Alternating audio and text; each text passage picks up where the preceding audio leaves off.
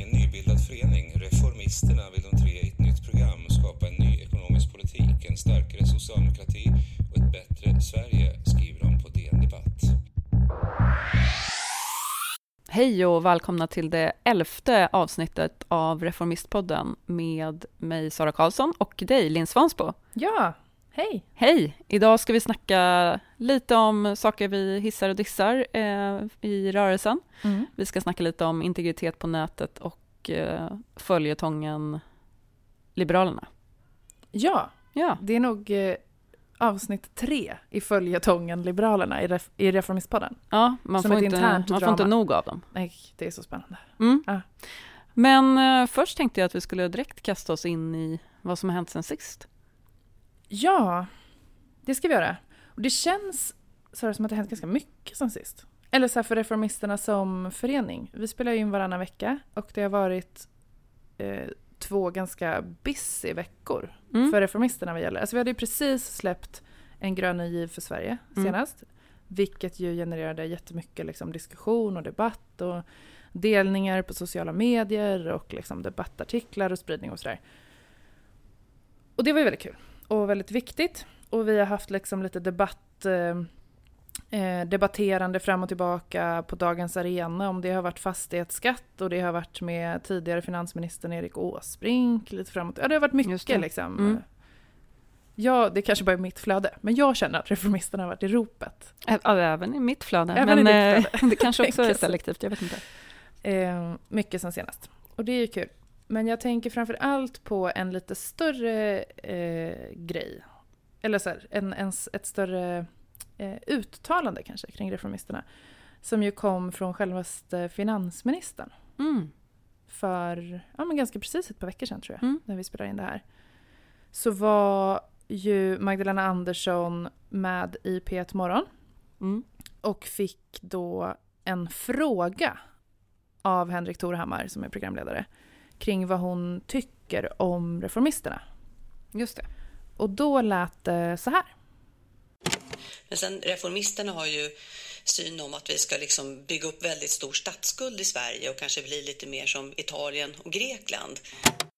Ja, just det. Jag hörde också det där inslaget. Ja, och det var, det gjorde jag med. Det var vi många som gjorde, tror Mm. jag. Och på ett sätt är ju det väldigt, jag tänker att det är, är, är kul och ett styrkebesked för vår förening. Att Mm. finansministern får frågor om Mm. vad hon tycker om vår ekonomiska politik. Men det var ju någonting som, ehm, ja, det, det, det sved lite kring just det här uttalandet att vi skulle vilja ha de statliga finanserna som, som ungefär som i Italien. Mm. Och det tänkte jag att det behöver vi, det behöver vi reda ut. Mm. Om inte i P1 Morgon, så i, i Reformistpodden. Just det. Så, så vi ringde ju Marcus Kallifatides, vår ordförande, och hörde med honom så här, vad han... Vad tänker han om det här och vad är det egentligen reformisterna vill?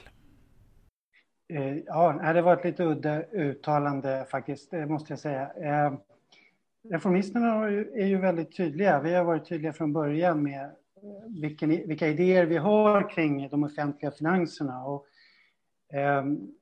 vi har ett konkret förslag. Vi har tjatat om det rätt mycket, inte minst jag. Vi vill ha ett, eh, ett finanspolitiskt ramverk där vi skiljer mellan driftsbudget och investeringsbudget.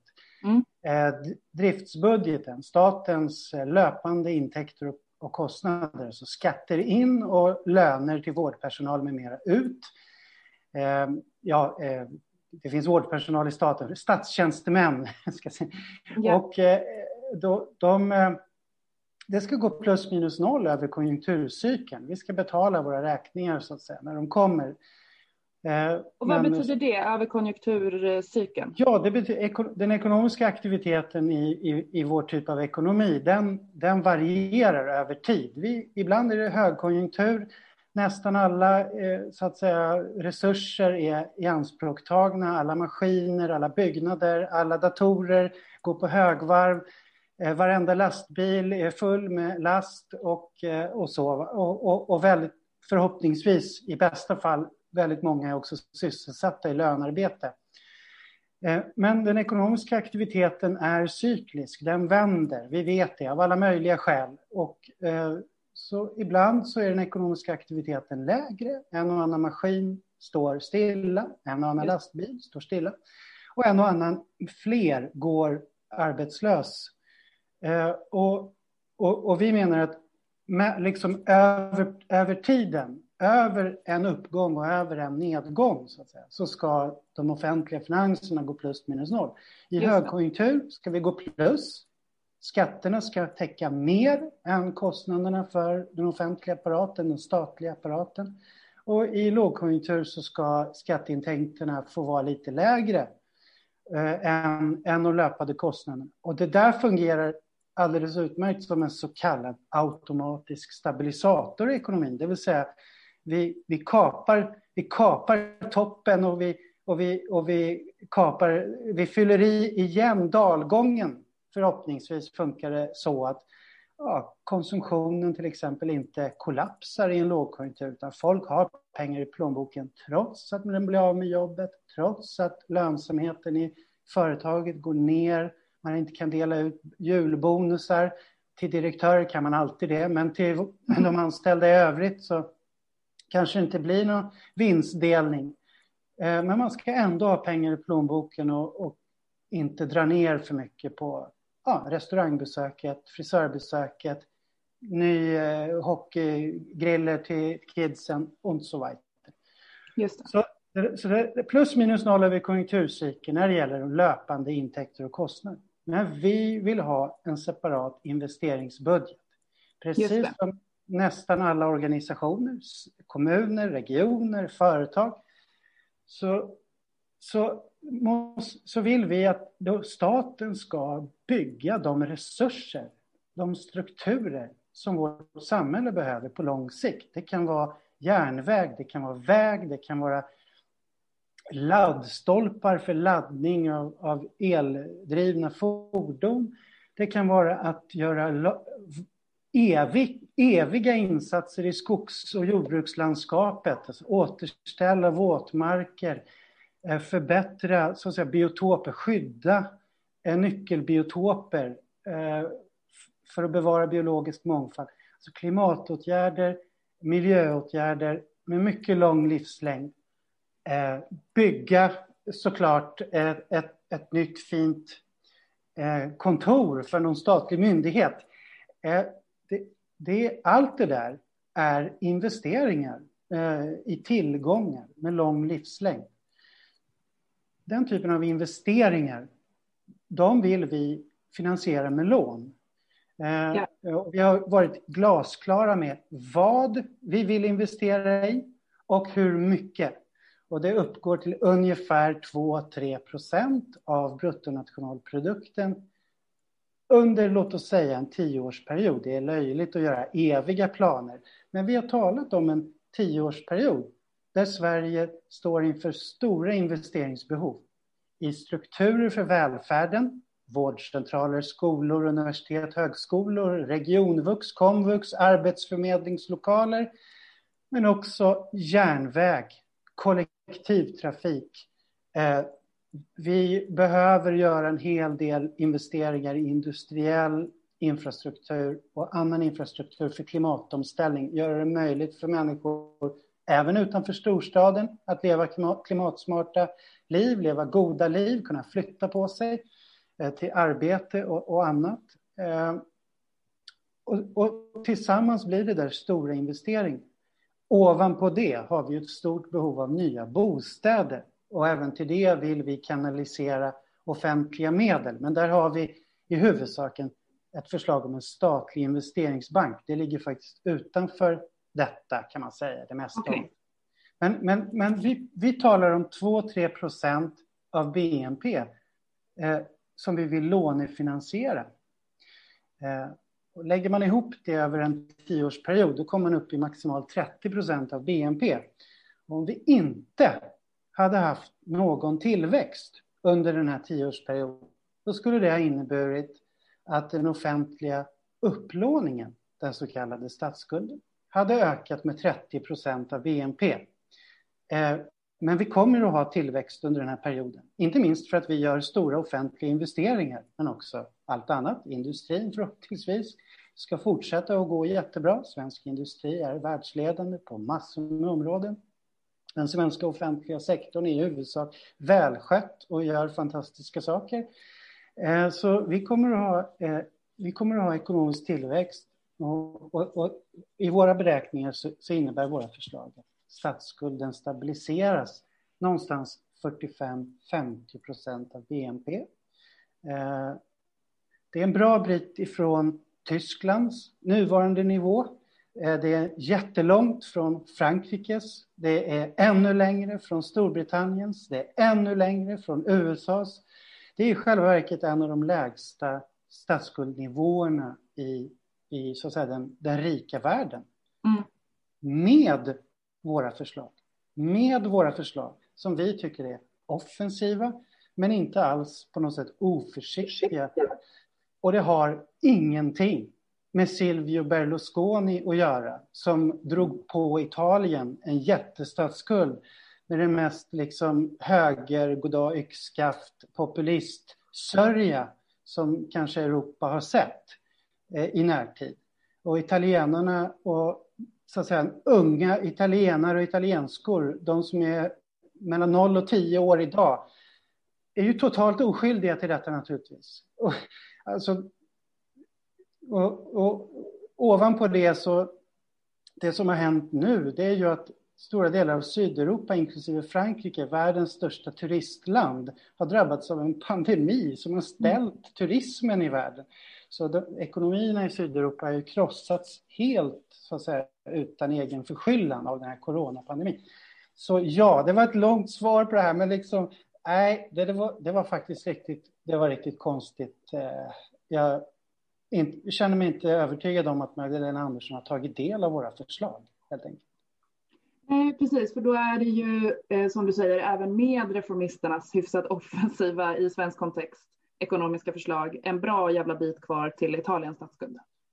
Mycket bra bit och dessutom är det så att man kan inte bara jämföra siffror utan frågan är ju vad har man lånat till?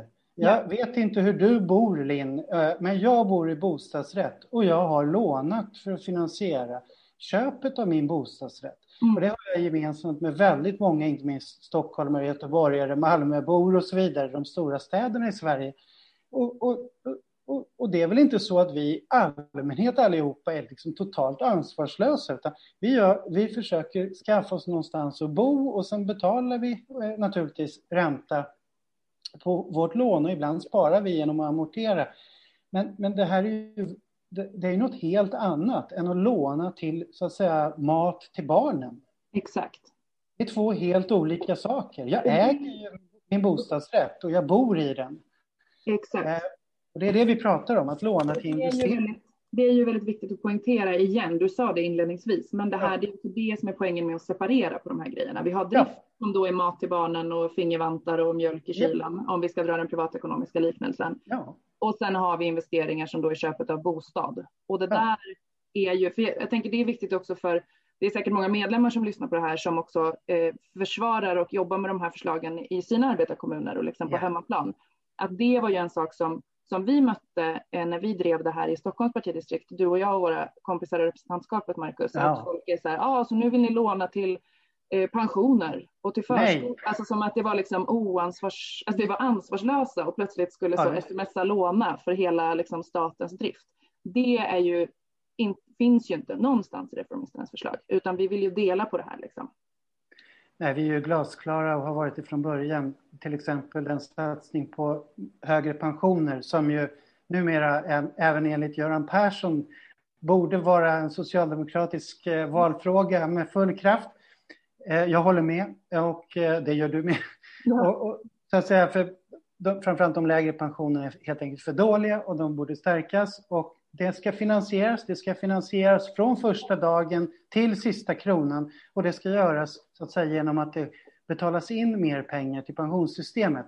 Vårt förslag det är ju att det är så att säga, skattemedel som ska skjutas, skjutas till eh, på kort sikt i alla fall för att mm. eh, inte behöva göra om hela systemet på en gång utan lösa problemet. Eh, men, men, men det är skattepengar som ska finansiera välfärden, inklusive socialförsäkringar, inklusive pension. Mm. vi lånar inte, vi ska inte låna eh, till löpande utgifter. Det är en mycket dålig oförsiktig eh, ekonomisk politik. Exakt. Men vi, vi, vi, vi står sida vid sida med det tyska expertrådet för ekonomiska experter. Det kan knappast anses vara liksom att stå på någon extrem vänsterkant. Alltså vi, om vi är vänster så är det därför att vi vill att staten och offentliga ska ha rejäla muskler så att vi gemensamt kan påverka, forma samhällsutvecklingen. Det är inte, det, det har ingenting med liksom någon slags vänster, vänsteruppfattning att göra, att liksom, att liksom slarva med, eh, med den offentliga ekonomin. Eh, ja, så det är tråkigt, tråkigt tycker jag att det ska landa där. Eh, men jag har full respekt för att, att det är lite tekniska frågor här och man måste, man måste lägga några minuter på, att läsa ett par sidor här för om man verkligen vill vill, vill, vill sätta sig in i vad det är vi föreslår, hur ser det ut nu, vad är skillnaden, hur ser det ut i andra länder. Eh, ja. Det kan behöva sin lilla stund, så vi får tjata på. Det, det gör vi gladeligen. Lästips till Magdalena Andersson från, från oss. Ja. Eh, våra förslag till att börja med. Ja. Eh, kanske. Men du, får jag ställa en följdfråga till dig som jag kanske egentligen borde ställa till, till Magdalena Andersson. Men om man inte gör som vi föreslår, ja. alltså lånar till investeringar, hur ska man bygga järnväg då? Man kommer inte att bygga järnväg. Det är precis så det är i Sverige. Trafikverkets pengar tar plötsligt slut. Eh, anslagen till Trafikverket tar plötsligt slut och då avstannar ett antal så att säga, pågående projekt. Man har planer, man har beslutade projekt. Eh, men de, de får avvakta, de senare läggs. Så det, det, det här är på riktigt. Det är offentliga investeringar som får vänta. Därför att vi, som vi har skrivit eh, från vår förening, vi är, lite, vi är helt enkelt lite dumsnåla. Vi satsar inte tillräckligt på offentliga investeringar i Sverige. Mm. Eh, och det gäller även nu. Nu lånar ju staten en hel del förra året och i år.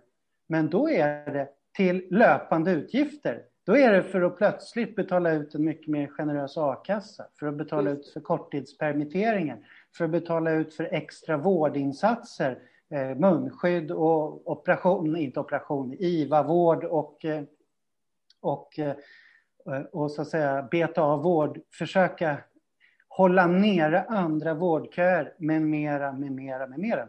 Mm. Men det är ju så att säga en typisk dramatisk lågkonjunktur kombinerat med en vårdkris. Det lånar vi till och det är helt rätt. Det ska man absolut göra.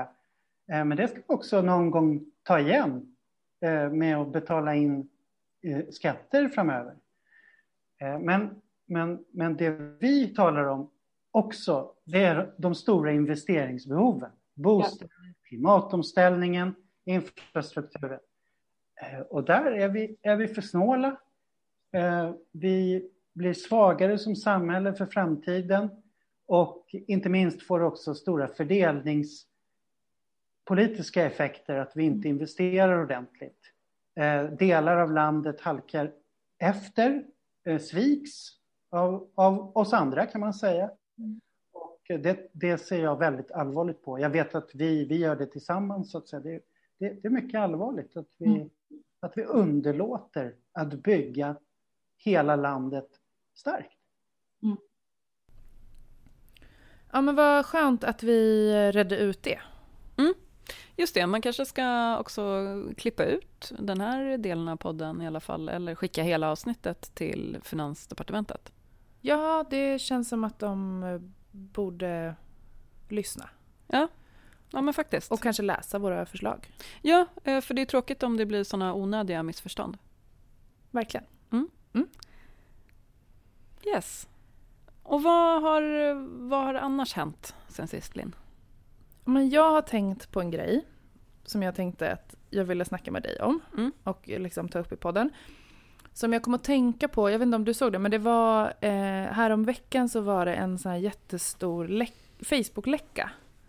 Alltså det läckte eh, personuppgifter från så 553 miljoner mm, Facebook-konton. Jag hörde det på radion. Typ. Ja. Mm. Och då var det, det är 553 miljoner konton i världen, typ, Mm. varav då en miljon var svenska tydligen. Och det här är något hackernätverk som har liksom hackat och spridit då kontaktuppgifter eh, och telefonnummer och namn och sådär.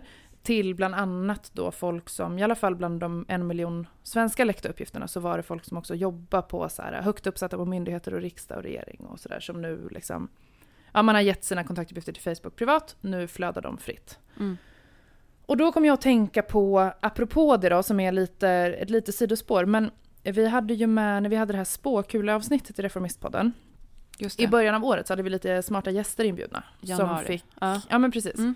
Som fick så här, fundra på vad de trodde skulle hända och vad man kanske också önskade eh, för typ av politiska diskussioner under Mm. 2021. Och då var ju eh, min kompis tillika chefredaktören för Veckorevyn, Irena Porser med. Mm. Och lyfte att hon tyckte att så här, det är dags att vi vi slutar vara så naiva inför liksom, integritet på internet och Mm. dataskydd. Att vi svenskar har varit lite så här, men jag har rent mjöl i påsen så att Google Mm, kan dock det. göra vad de vill. En typ. ny omgång, liksom. Eh, integritet på nätet. Ja men precis. diskussion. precis. Och så kommer jag att tänka på det igen nu när det här läckte. Och med risk för att jag blir en sån här, vi måste våga prata om, Mm. utan att egentligen ha några konkreta förslag, för det har jag inte än. Men jag tycker att vi behöver prata om, eh, från liksom vänsterhåll och socialdemokratiskt håll, den här liksom totala makten i kapitalistiska och kommersiella krafter Mm. som finns eh, i de här ganska få men liksom multimiljardföretagen Mm. som vet liksom exakt allt Mm. om oss. Och att det kanske är dags, det kanske är dags att vi som liksom, vi i arbetarrörelsen tar lid i en sån diskussion och inte då bara ifrågasätter, för jag menar det har man ju så kring FRA, kring Ja men att eh, Sydkorea nu i vintras läckte så smittspårningsdata till sin typ underrättelsetjänst eller säkerhetspolis Mm. så har det också ofta ganska handlat om så här individ i relation till stat. Och Just det. kan man lita på att liksom. Och då Mm. har ju vi i Sverige ganska ofta tänkt vi har rent mjöl i påsen så det är lugnt för vi litar i ganska hög utsträckning Mm. på vår regering liksom, Mm. och på staten och så. Vilket ju potentiellt är- sätter sårbart beroende på vilka som leder, leder den, så att säga. Mm. Men jag tänker framförallt att det är liksom, ja men det är dags för en ordentlig debatt om de liksom kapitalistiska intressena och makten de har över vårt, vår, vårt liv liksom. Mm. Och vår data. Just det. Eh, För det är ju, alltså... Det är klart att det fanns också vänsterrörelser och personer som deltog i liksom kritiken mot FRA och så Ipred-lagstiftningen och sådär. Men det, det har ju varit ganska mycket så här en debatt som har drivits av eh, gröna partier och andra liksom liberaler i Sverige och i eh, Europa och inte så mycket eh, vänstern egentligen. Nej, och sällan med det perspektivet. Liksom. Är det rimligt att de här liksom, multimiljardföretagen tjänar så hutlösa mängder pengar på att vi liksom inte ens... Alltså nu säljer vi inte ens vår arbetskraft längre, om man ska vara lite marxistisk. Alltså det här Mm. är bara så här, vi, vi bara existerar. Och Mm. de eh, tjänar ändå sjuka mängder på oss Mm. under tiden vi liksom lever och till och med efter, vilket är så ett kapitel i sig som jag tänker att jag ska läsa på mer om innan vi poddar om det på allvar. Men, men det här med liksom forskningen på vårt nu postuma liv på internet, Mm. som ju börjar bli en grej. För nu är det bara några år kvar tydligen tills det finns fler döda användare på Facebook än levande. Mm. Och det finns liksom ett kapitalistiskt intresse i det också från Facebooks sida, att behålla våra profiler som minnessidor. Mm. För då kan de fortsätta generera annonsintäkter och samla på sig data om våra nära och kära. Ja, och och vårt beteende och Ja, våra intressen ja. och allt det här som de kartlägger. Ja. Ja, ja, det är väldigt spännande. Och jag vet att, eh, var det förra året som den här boken kom eh, om typ eh, the, Surveillance the era of capitalism. surveillance Ja. capitalism. Vad heter hon? Shoshana Shoshana Zuboff. Zuboff. Ja. Där hon ju skriver om just det där att, att vi inte, alltså vi inte ens längre, vi säljer inte ens längre vår eh, vår arbetskraft, utan vi är numera varan. Liksom. Mm. eh, så att det är, en, det är en ny dimension av då, eh, kapitalismen och eh, den här kunskaps och informationsekonomin eh, som, som vi sällan diskuterar och som ju, ja men såklart, eh, vänstern borde ta, ta lid i. Mm. Eh, mm. Ja, och som sagt, det här kanske inte riktigt var att ta lid i den diskussionen. Det här var bara ett uttryck för att det här, det här måste Det här vi... återkommer vi till. Ja, vi kanske Ja. ska göra det. Det här måste vi våga prata om, Ja, som det heter. precis. Och, och, eh, kanske är det här ett tema där som vi borde återkomma till med också någon gäst som kan mer om Mm. den här teknologin. För att jag känner att jag liksom, eh, alltså att mm, man har ju en viss vana att typ analysera maktrelationer. Eh, Mm. Men när det kommer till den här liksom lite invecklade teknologin så blir jag ganska lätt bortkollrad. Man skulle behöva lite hjälp att, att hålla fokus på vad det här handlar om. Liksom. Gud ja. Och när i tid och på vilket sätt. Alltså man är ju också mer i framtiden än vad jag förstår att vi är. Mm. När det kommer till liksom teknikutvecklingen kopplat till det här. Mm. Apropå att P Diddy tydligen hade en, vad heter det, ett hologram på en födelsedagsfest i helgen han inte kunde gå på. Då var han där istället som hologram och uppträdde. Mm. Samtidigt som han var någon annanstans. Det går tydligen att göra. Ja, och jag tänker så här, eh, eh, så att man inte hamnar i att vara en tant som, som blir så här, wow, kan man ha ett hologram? Ja, det gjorde Eh, jag precis. Ja. Att man, eh, att man eh, liksom tar hjälp av någon som förstår Kan. var tekniken sig, befinner sig någonstans och så att man kan vara lite där i och förekomma utvecklingen. Exakt. Eh, Ja men det kanske är en, eh, vi kan se det här som en liten cliffhanger på att jag tycker att det här borde vi podda mer om Sara. Mm. Men jag har i alla fall tänkt på det. Sen sist då, apropå den här Facebook-läckan. Mm, ja, men så det måste vi prata mer om. Finns det något annat som vi borde våga prata om, Linn? Eh, det beror på om du frågar mig eller om du frågar eh, ett gäng andra sossar som eh, har haft förslag i Mm, veckan mm, på saker vi måste våga prata om. mm. Och eh, det var i... Ja, men... I, för en vecka sedan när det här avsnittet släpps Mm. så var det en artikel på DN Debatt eh, undertecknad personer som lanserar en ny satsning. Eh, en Youtube-satsning som heter Hedersord. Eh, och det är Daniel Färm, Marie Heindalias och Maria Arkeby. Mm. Eh, som tycker att vi måste våga prata mer om heder. Och om migration. Och lite olika saker. Det är ganska många olika saker de tycker Mm. att vi borde våga prata mer om. I alla Mm. fall i sin debatt. De har ju lanserat den här Youtube-serien som du säger. Mm. Som är tydligt fokuserad på heder. Men de lanserade också den med en DN Debattare. Där de tycker att det finns ganska många saker som vänstern, gröna och liberaler inte har vågat prata om utan Mm. ängslighet på väldigt länge.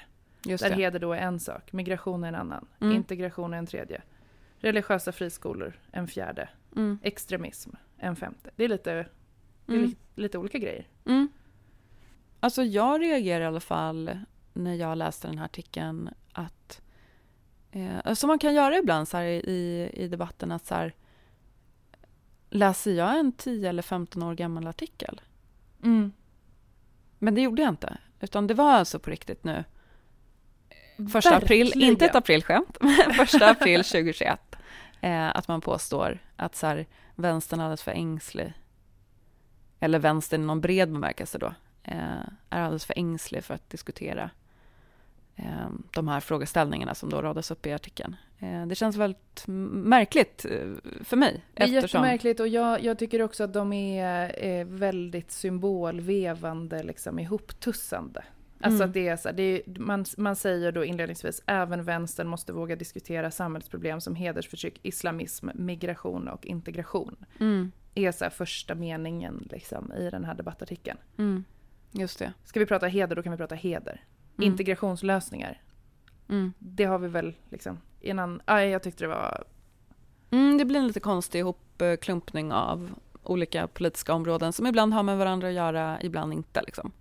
Jag tänker också, jag ändå, jag reagerar på den här artikeln eh, och eh, har liksom håll, försökt hålla lite koll på reaktioner på det för att jag, alltså jag är intresserad av, av bland annat liksom, jag har jobbat en del med migrationspolitik men jag är också väldigt intresserad av, av frågor som rör liksom hedersnormer och mm. hedersförtryck. Mm. Eh, men känner inte igen mig i bilden av att det här är någonting som inte diskuteras eller jobbas med eller sådär. Eh, och eh, jag tänker också att eh, de reaktioner som har kommit har ju varit liksom, ja men dels så här, ja det här var bra.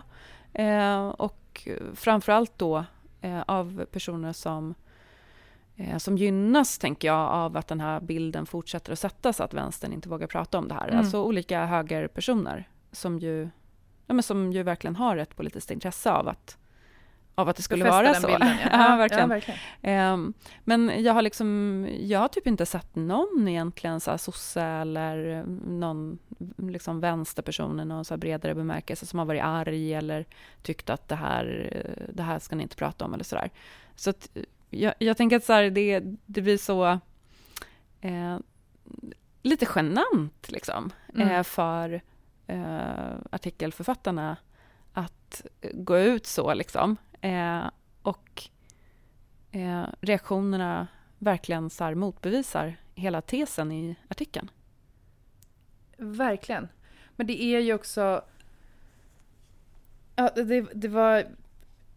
Jag, jag, läste artikeln och skrev ner några citat som jag bara du vet, tokstudsade på. Bland mm. annat då inledningen. Mm. Eh, men också att det är, ja men precis som du säger så här, när jag bara, precis som det du säger med reaktioner nu, man bara i konflikt med vem? Mm. Alltså att det är så här, till exempel då en mening som är den som ifrågasätter könsstympning eller barngifte ska inte bli beskylld för att vara rasist. Mm. Alltså som att det vore i konflikt med vad vänstern mm. gör. Mm. Eller då vänstern, gröna och liberaler i vanliga fall gör. Eller på det sättet man i vanliga fall från vänstern uttrycker sig att nu ska vi äntligen få vara emot könsstympning utan att bli kallade rasister. Ja, men det, det, det är en väldigt märklig bild som målas upp. Verkligen, och som heller inte på något sätt gynnar det som behöver göras, tänker jag. Alltså om vi fortsätter måla upp bilden av att problemet är att vänstern inte vågar vara emot mm. könsstympning. Hur ska vi någonsin då kunna organisera oss och faktiskt formulera de politiska lösningar som, som behöver till för att vi... För det är ju ingen som, som inte påstår att hedersförtryck inte förekommer. Eller Nej. som inte säger att det är ett problem. Men, mm. men det är ju så otroligt ja, men ineffektivt och dumt att det är på det här sättet det ska försöka sättas liksom högst upp på debattagendan. Mm. Genom att ledande företrädare från arbetarrörelsen ska säga så här, nu ska vi äntligen få vara emot könsstympning utan att bli kallade rasister. Liksom. Mm. Jaha, vart tar det oss då? Mm. På vilket sätt hjälper det kvinnorna eller hbtq-personerna som faktiskt lever under det här förtrycket. Liksom. Nej, alltså verkligen, för det är ju... Jag såg första avsnittet, det var ett samtal med America Vera Zavala som är... Eh, det är ett, ja men i alla fall delar, ett eh, intressant samtal. Men det är ju, precis som du säger, eh, svårt att se hur det egentligen gagnar de personer som drabbas, mm. eh, eller hur det överhuvudtaget relaterar till alla oss, säger jag nu, eh, som jobbar eh, delvis med frågorna. Jag mm. jobbar ju på socialtjänsten i ett område där det här är ett problem. Mm. Eh, och alltså den typen av samtal då, där man ska så här, på något sätt överbrygga eh, gapet mellan högern och vänstern i synen på de här frågorna. Alltså i den mån det finns, liksom, eh, så är det, relaterar inte alls till vår arbetsvardag eller till de personer som, som drabbas. Det blir liksom en, ja, det är ett projekt som helt missar målet. Ja, verkligen. Och att alltså också för, för mig och förhoppningsvis oss som socialdemokrater så är ju de politiska lösningarna... Alltså jag förstår ju att det finns en, en politisk enighet över någon slags tidigare blockgräns mm. kring att det här är problem som måste lösas. Mm. Men för mig så är ju inte de socialdemokratiska politiska lösningarna någonting som vi borde jaga Moderaterna för att komma överens om. Liksom. Nej, nej. Alltså, vi har ju pratat om det alltså i, i ett eh, avsnitt, avsnitt tre tror jag det var, där vi pratade om eh, feminism och reformisternas eh, politik. Mm. Eh, så var vi liksom lite inne på det här att liksom, precis som all jämställdhetskamp så är ju fundamenten eh, ofta eh, ekonomisk politik ja, eller ligger i de materiella villkoren. Mm. Liksom.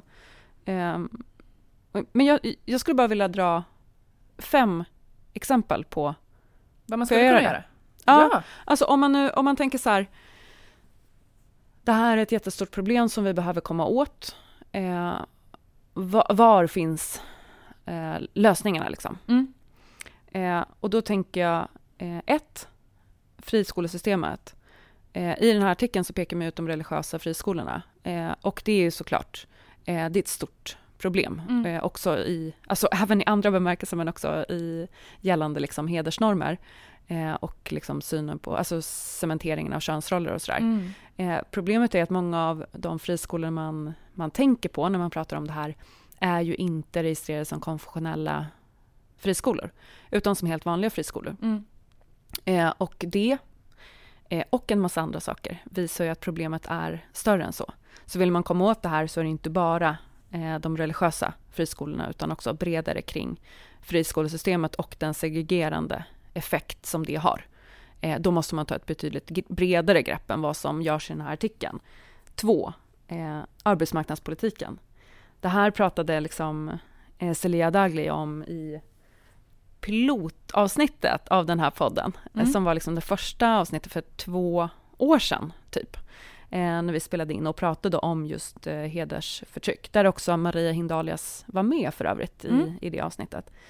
Ehm, men ska liksom personer, både liksom kvinnor, tjejer, hbtq-personer eller, eller män som inte vill vara en del av liksom hedersnormerna för all del.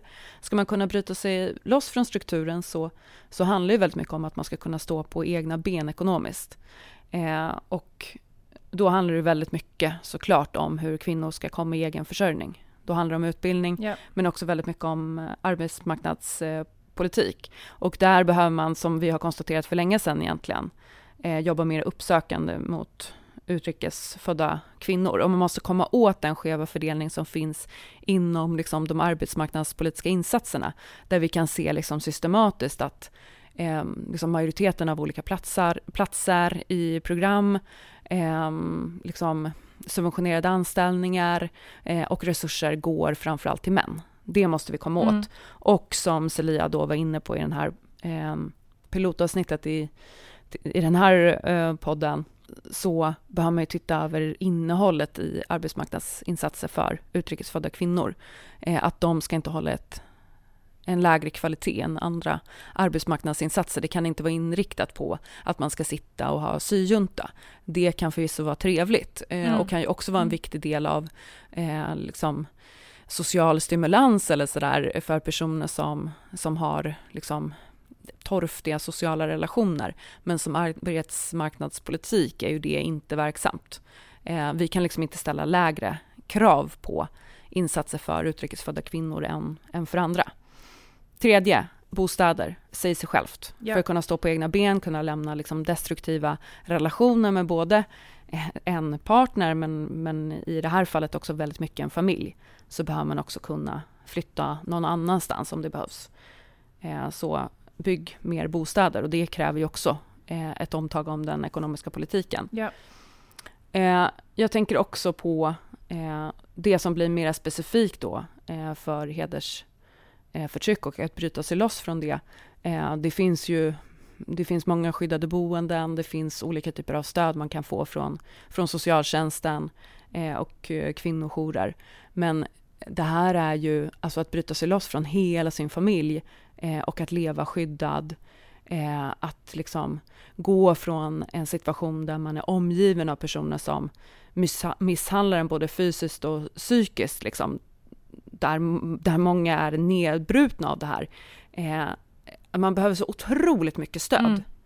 Eh, och en del, eller ganska många tror jag, av de här eh, ofta kvinnorna, eller oftast kvinnorna, eh, behöver ju också psykiatriskt stöd. Yeah. och det är ibland svårt att kombinera. Eh, att få hjälp med liksom, någonstans att bo och vara, men också få rätt socialt och eh, psykiatriskt stöd. Mm. Eh, där behöver samhället mobilisera resurser. Eh, och det sista, ehm, det här blir massa olika saker.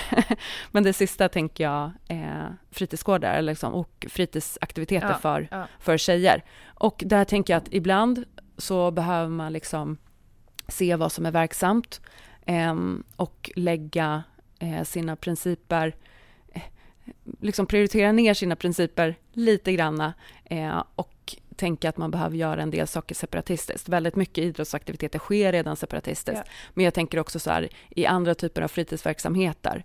Alltså att så här, ja, det optimala är att flickor och pojkar eh, leker tillsammans, eh, spelar eh, liksom, eh, fotboll tillsammans, gör saker tillsammans på fritiden.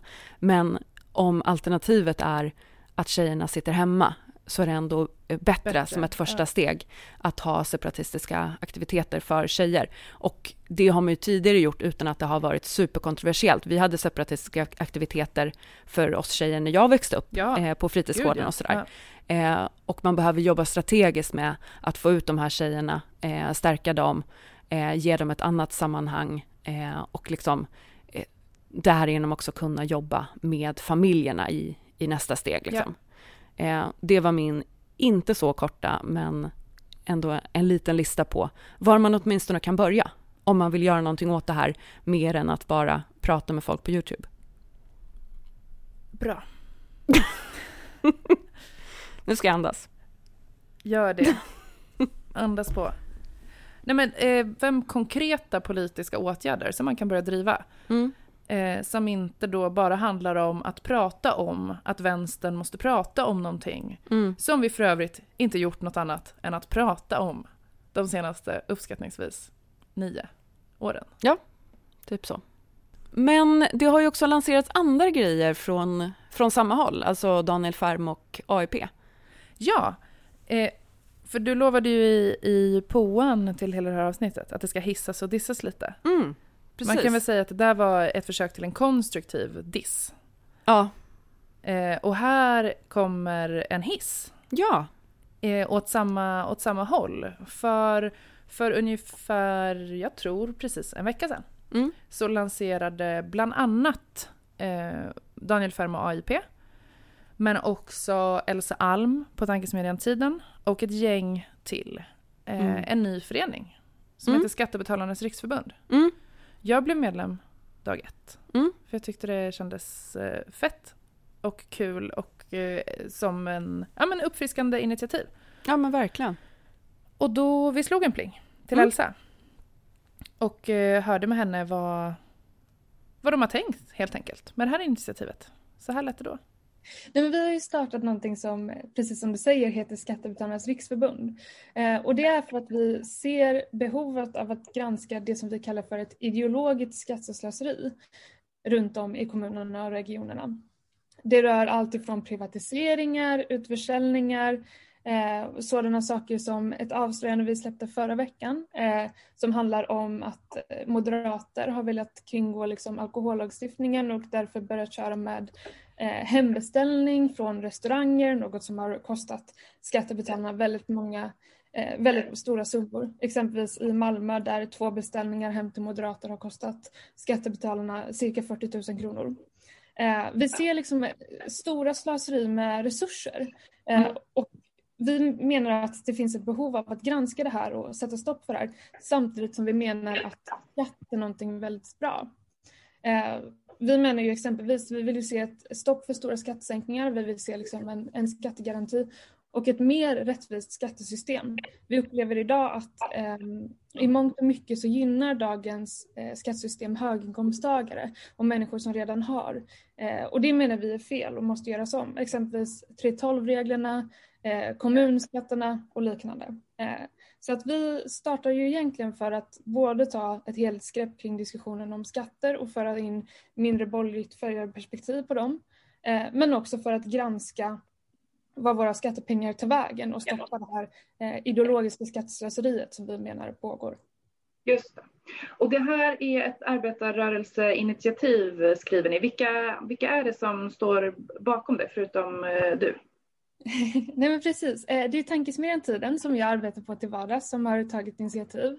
Eh, men utöver mig då så är det Daniel Färm som är eh, styrelseordförande. Sen är det Åsa-Pia Järliden Bergström, eh, Jonas Attenius, eh, Åsa Eriksson eh, som sitter i styrelsen och sen så är det även Ulrika Lorenzi som är inadrogerad och eh, eh, Roger Persson Österman som är talesperson och inadrogerad. Så att vi är en blandad skara kan man säga. Några är från LO, eh, någon är från Aktuellt i politiken och någon är professor i finansrätt.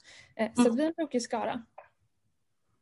Och vad, nu har ni, du sa ni gjorde ett avslöjande förra, förra veckan gällande eh, kringgåendet kring alkohollagstiftningen. Men vad ser ni liksom framför er att ni ska eh, pyssla med? Alltså i mångt och mycket så eh, har vi ställt oss frågan. Eh, vi har sett liksom privatiseringar i många år nu, vi har sett utförsäljningar, vi har sett vinster i välfärden. Och vi har ställt oss frågan, har det här gynnat eller missgynnat medborgarna? Har det här gjort välfärden bättre eller sämre? Mm. Och vi har landat i att det här har missgynnat medborgarna och gjort välfärden sämre.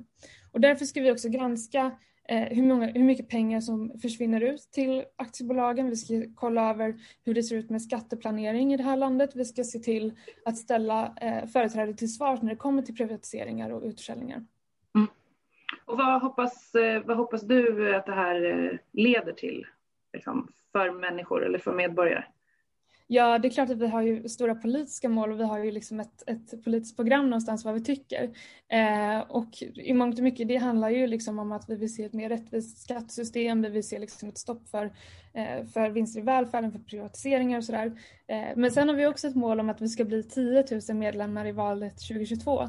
Men eftersom vi redan har blivit över 2100 medlemmar bara på eh, sju dagar ungefär eh, så lär vi ju få eh, höja ambitionsnivån lite. Jag tror att vi kan bli betydligt större än så. Vad har ni mött för reaktioner nu då sedan eh, lanseringen förra veckan? Eh, nej men det har ju varit väldigt mycket positivt, eh, ska sägas. Det är väldigt många som har blivit medlemmar, hört av sig och väldigt många som har längtat efter ett sånt här initiativ. Och det hur många också som har påpekat att vi har eh, lanserats i samband med eh, Skattebetalarnas förenings 100-årsjubileum. Eh, och det stämmer ju såklart. Eh, de har ju funnits nu i, i 100 år och de startades ju av Marcus Wallenberg för 100 år sedan för att protestera mot en skattekvot på 12 procent. Eh, men det är väldigt många som också blivit väldigt glada över att det nu 100 år senare äntligen finns en skattebetalarförening som gynnar skattebetalarnas intressen på riktigt. Mm. Vi menar att Skattebetalarnas förening inte gynnat skattebetalarnas intressen utan eh, näringslivet. Eh, och nu är det dags på riktigt att ta tag i ett initiativ som, eh, som gynnar medborgarna. Ja, men eh, tack eh, Elsa för att du ville vara med och snacka lite om det här i podden och tack för det initiativet. En liksom uppfriskande grej ja, i debatten. Verkligen. Eh, och vi ser fram emot eh, att den här föreningen kommer liksom, eh, granska eh, polit förd politik och mm. driva mm. förslag ja, men för en progressiv liksom, skattepolitik. Men du, den här följetongen då? Som vi har i den här podden nu Just det. Liberalerna. Liberalerna. Ja. Sist så snackade vi ju om den här artikeln där Johan Persson berättade om hur det här budgetsamtalet med SD ska gå till i utskottet. Ja, och hur det framförallt är en nyhet och sen absolut ändå inte är en nyhet. Precis. Vet, följde du deras eh, partiråd? Ja, lite grann. Mm. Till och från. Det var ändå intressant. Mm. Eh, och en intressant grej var ju att följa hur just det där utvecklade sig. Och det var inte framförallt Johan Persson då som pratade om det, utan det var ju Mats Persson, som är deras ekonomisk-politiska mm. talesperson, som skulle förklara. Eh, och då var det liksom att han, han gjorde något så instick där han skulle förtydliga saker, eh, och där andra bör, började begära ordet och säga så här, nu blev jag ännu mer förvirrad när Mats Persson sa sådär. Eh, så att det har väl gått sådär att ro, ro det i land. Eller alltså, de har ju lyckats ro projektet i land att, eh, att röra sig mot ett SD-samarbetet, ah, men ja. inte riktigt att förklara hur det ska se ut. Riktigt vad det är man sätt, tänker nej. att man ska göra.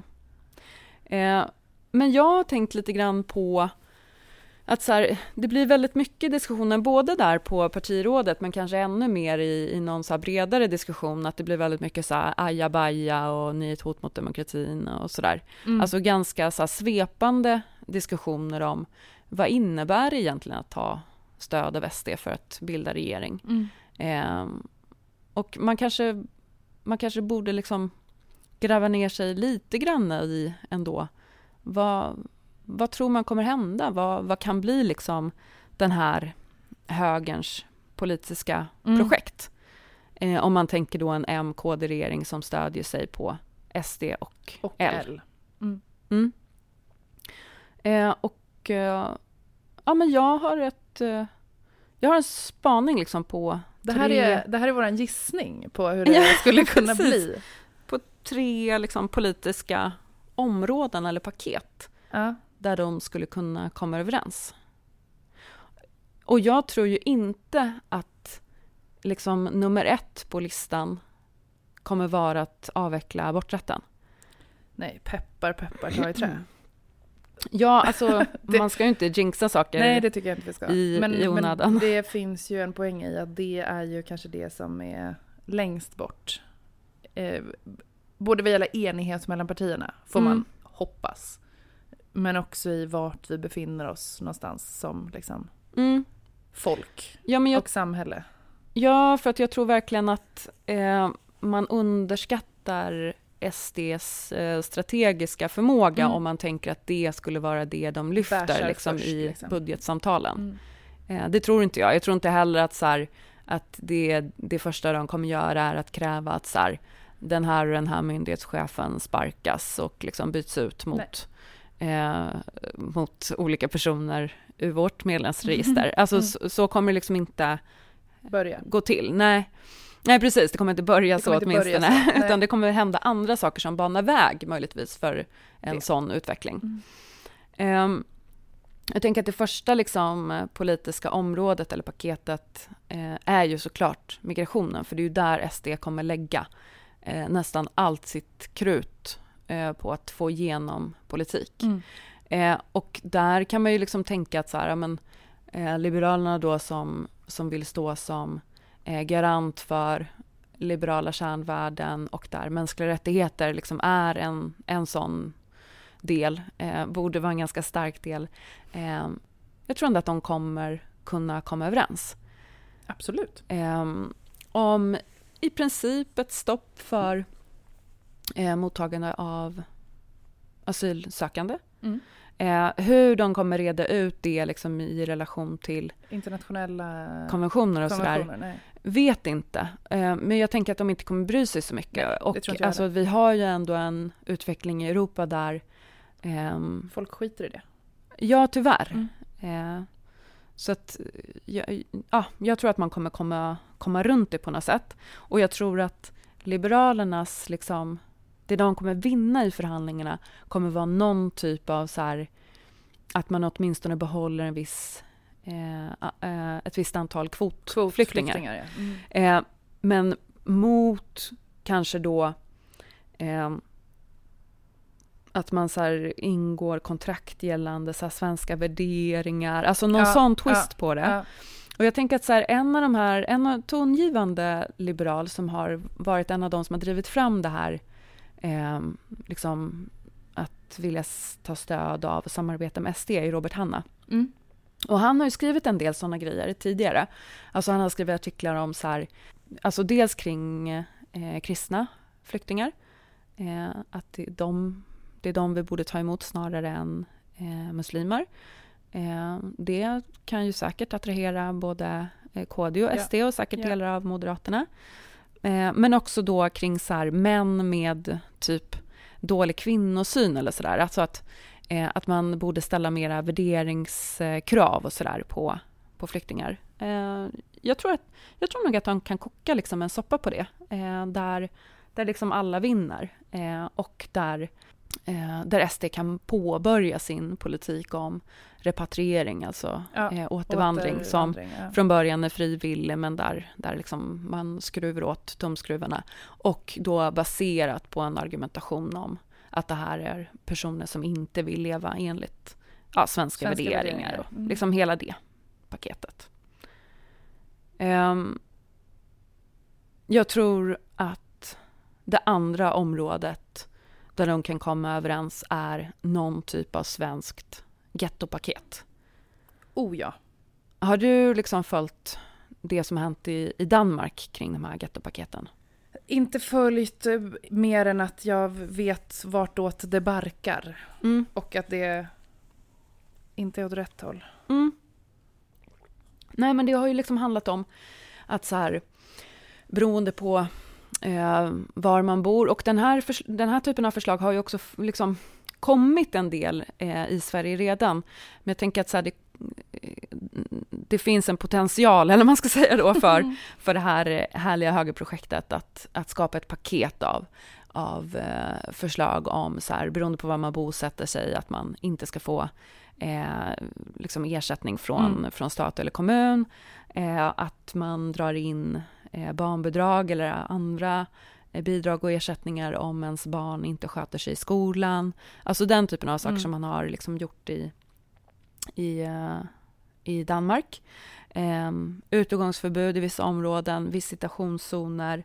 Uh, jag tänker att man kanske också tar inspiration, inte bara från Danmark utan också från Storbritannien som ju var tidiga med så här, AZOB, eh, mm. lagstiftning alltså, mot antisocial behavior, mm. eh, där det i princip blev liksom, där polisen fick rätt att så här, skingra eh, liksom gäng med ungdomar för att de hade luvtröja på sig. Ja. Alltså sånt har ju också hörts i den svenska debatten oh ja. Oh om ja. luvtröjor och sådär. Um, Becknarväskor ja, på skolor. Precis, och, och mjukisbyxor. Ja. Ja. Mm. Och här kan ju liksom både Hanif Bali få liksom verkligen oh, ja. utlopp för, för liksom sin, sina frågor och det han driver och tweetar om. Eh, men här kan ju också Nyamko Sabuni, tänker jag, stiga fram som liksom, ja, ja, ja. Eh, drottning för gettopaketen mm. och kanske rädda Liberalerna eh, på kuppen. Liksom. Eh, alltså inte liberalismen, Gud. utan Liberalerna. Absolut inte. Eh, och jag tänker, så här, i det så ingår det väl också så här, eh, generellt liksom sänkta eh, bidrag och ersättningar, alltså det här bidragstak som. Moderaterna pratat om, allt det här. Eh, men, tänker jag, för att Liberalerna då ska kunna liksom så här, ja men vi har ändå, vi har försvarat kärnvärden, så tänker jag att i det här kan det också ingå utbildningssatsningar för att man ändå ska liksom ge en chans till de strävsamma. Ja. Ja, ja från de här ja. områdena.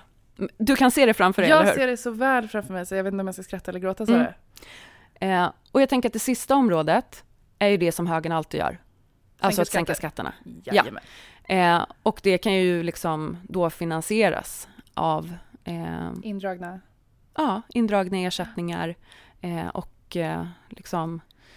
Ja, men en att man svälter ut delar av välfärden helt enkelt mm. Eh, för att man nekar vissa grupper tillgång mm. till den. Um, uh, och man ger de pengarna då till, till rika människor. Um, så. Vet du vad jag känner nu? Nej. Jag känner mig orolig för någon spinndoktor på högersidan ska höra det här avsnittet. Och bara...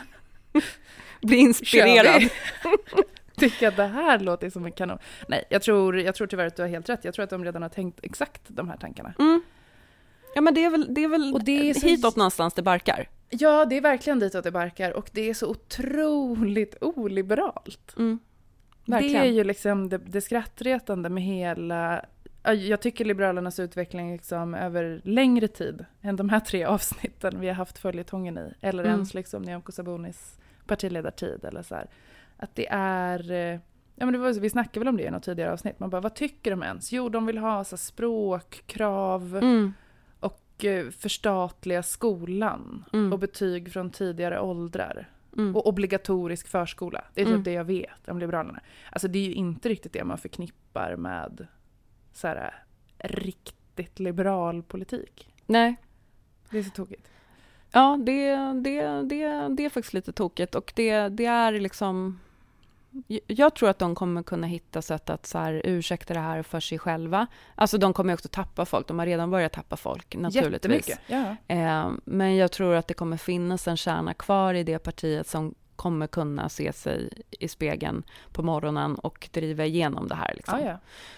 Sen tror jag Eh, man ska inte glömma att det också finns andra grejer som så här SD drivs av och som, och som kanske kan passera liksom lite, obemär lite halvt obemärkt och lite på kommunnivå och sådär.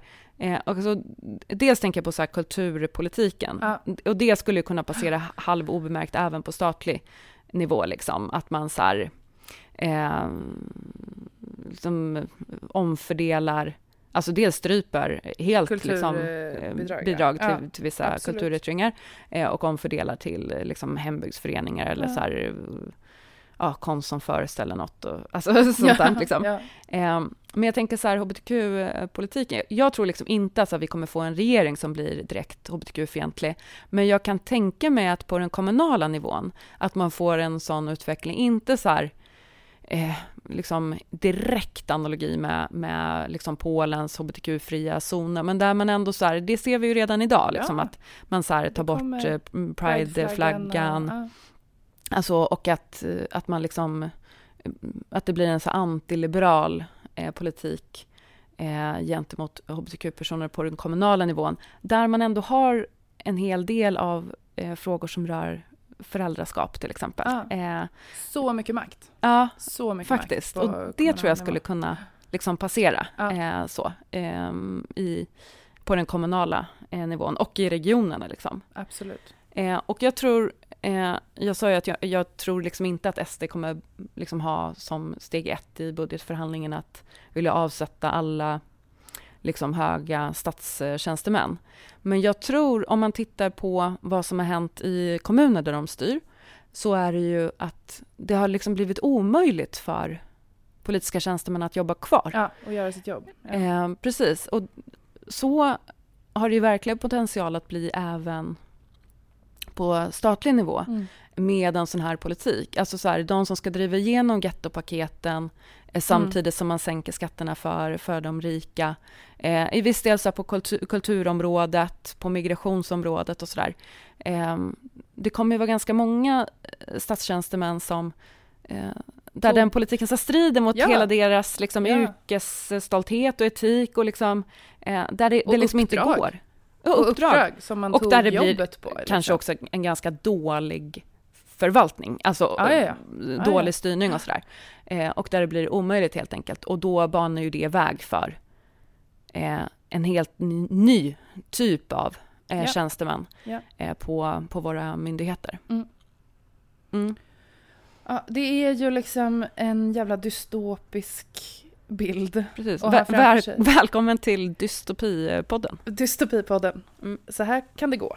Mm. Ehm, nej men jag, jag, ja, det är ju skit eh, deppigt att föreställa sig och jag kan verkligen tyvärr se det framför mig.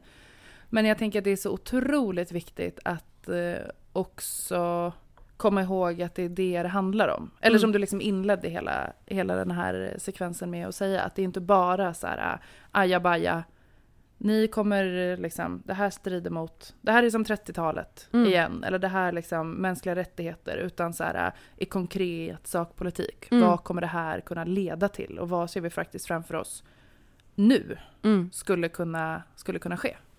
Ja, alltså det är ju en... Alltså om man inte tycker i sig att det här är vidrig politik så kanske man åtminstone kan se att det är en jävla giftcocktail för ett samhälle att driva en sån här politik. Ja, det, Det är farligt. livsfarligt. Mm. Jag vill ändå understryka eh, det som vi har pratat om tidigare i den här podden, att eh, trots det här, eh, att jag är fan livrädd för det här, så tror jag inte att det är en bra idé att göra det här till huvudnummer i, i nästa valrörelse. Utan att Nej, här, vi måste ju ha egna projekt. Ja, det Ja. enda sättet för, för oss att vinna är att ha ett eget projekt. Liksom. Gud ja.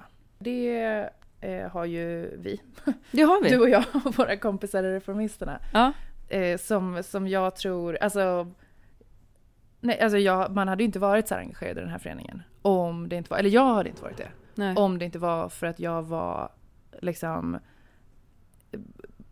benhårt övertygad om att det är det här, det, det är, den här, det är det här politiska projektet Mm. som krävs. Mm. För att vända upp och ner på hela, liksom, ja dels blåbruna skiten, Mm. men också eh, med handen på hjärtat, det liksom vår egen rörelse har brustit Mm. i och med de senaste decennierna. Mm. Eh, så det är klart att det finns alternativ. Och nej, det är skitviktigt att det inte det här blir valprojektet, men jag tänker ändå att det är viktigt att det är de här frågorna man ställer till Liberalerna. Typ. Mm. Eller till sina vänner och bekanta som som är höger? Eller liksom, vad ser ni, vad, vad ser ni, vartåt ska det här Mm. barka? Mm. Se er omkring i världen, läs en historiebok. Mm. Vart är vi på väg med liksom, den här, de här politiska alternativen Mm. i regering? Just det. Det behöver man ju säga. Och sen så behöver vi som parti och rörelse säga vi är på väg häråt. Mm. Precis. Häng på. Ja. Och ni som lyssnar är ju förhoppningsvis eh, med oss i det här. Ja, och om ni inte var det innan det här avsnittet började Ja. så hoppas vi att ni är det nu. Precis. Så om ni inte redan är medlemmar i Reformisterna så hoppas vi att eh, ni blir det. Eh, det blir ni genom att surfa in på reformisterna.se. Där finns instruktioner om hur man blir medlem. Man får jättegärna höra av sig till föreningen med olika frågor och inspel och sådär, Mm. men också till den här podden. Hur gör man det, Linn? Då kan man mejla oss Mm. på reformistpodden gmail.com. Vi ser fram emot att höras vidare där. Mm. Mm. Men eh, tack för idag. Tack för idag, Sara. Och Mm. ni som har lyssnat. Vi hörs Ja. igen om ett par veckor. Yes. Hej då!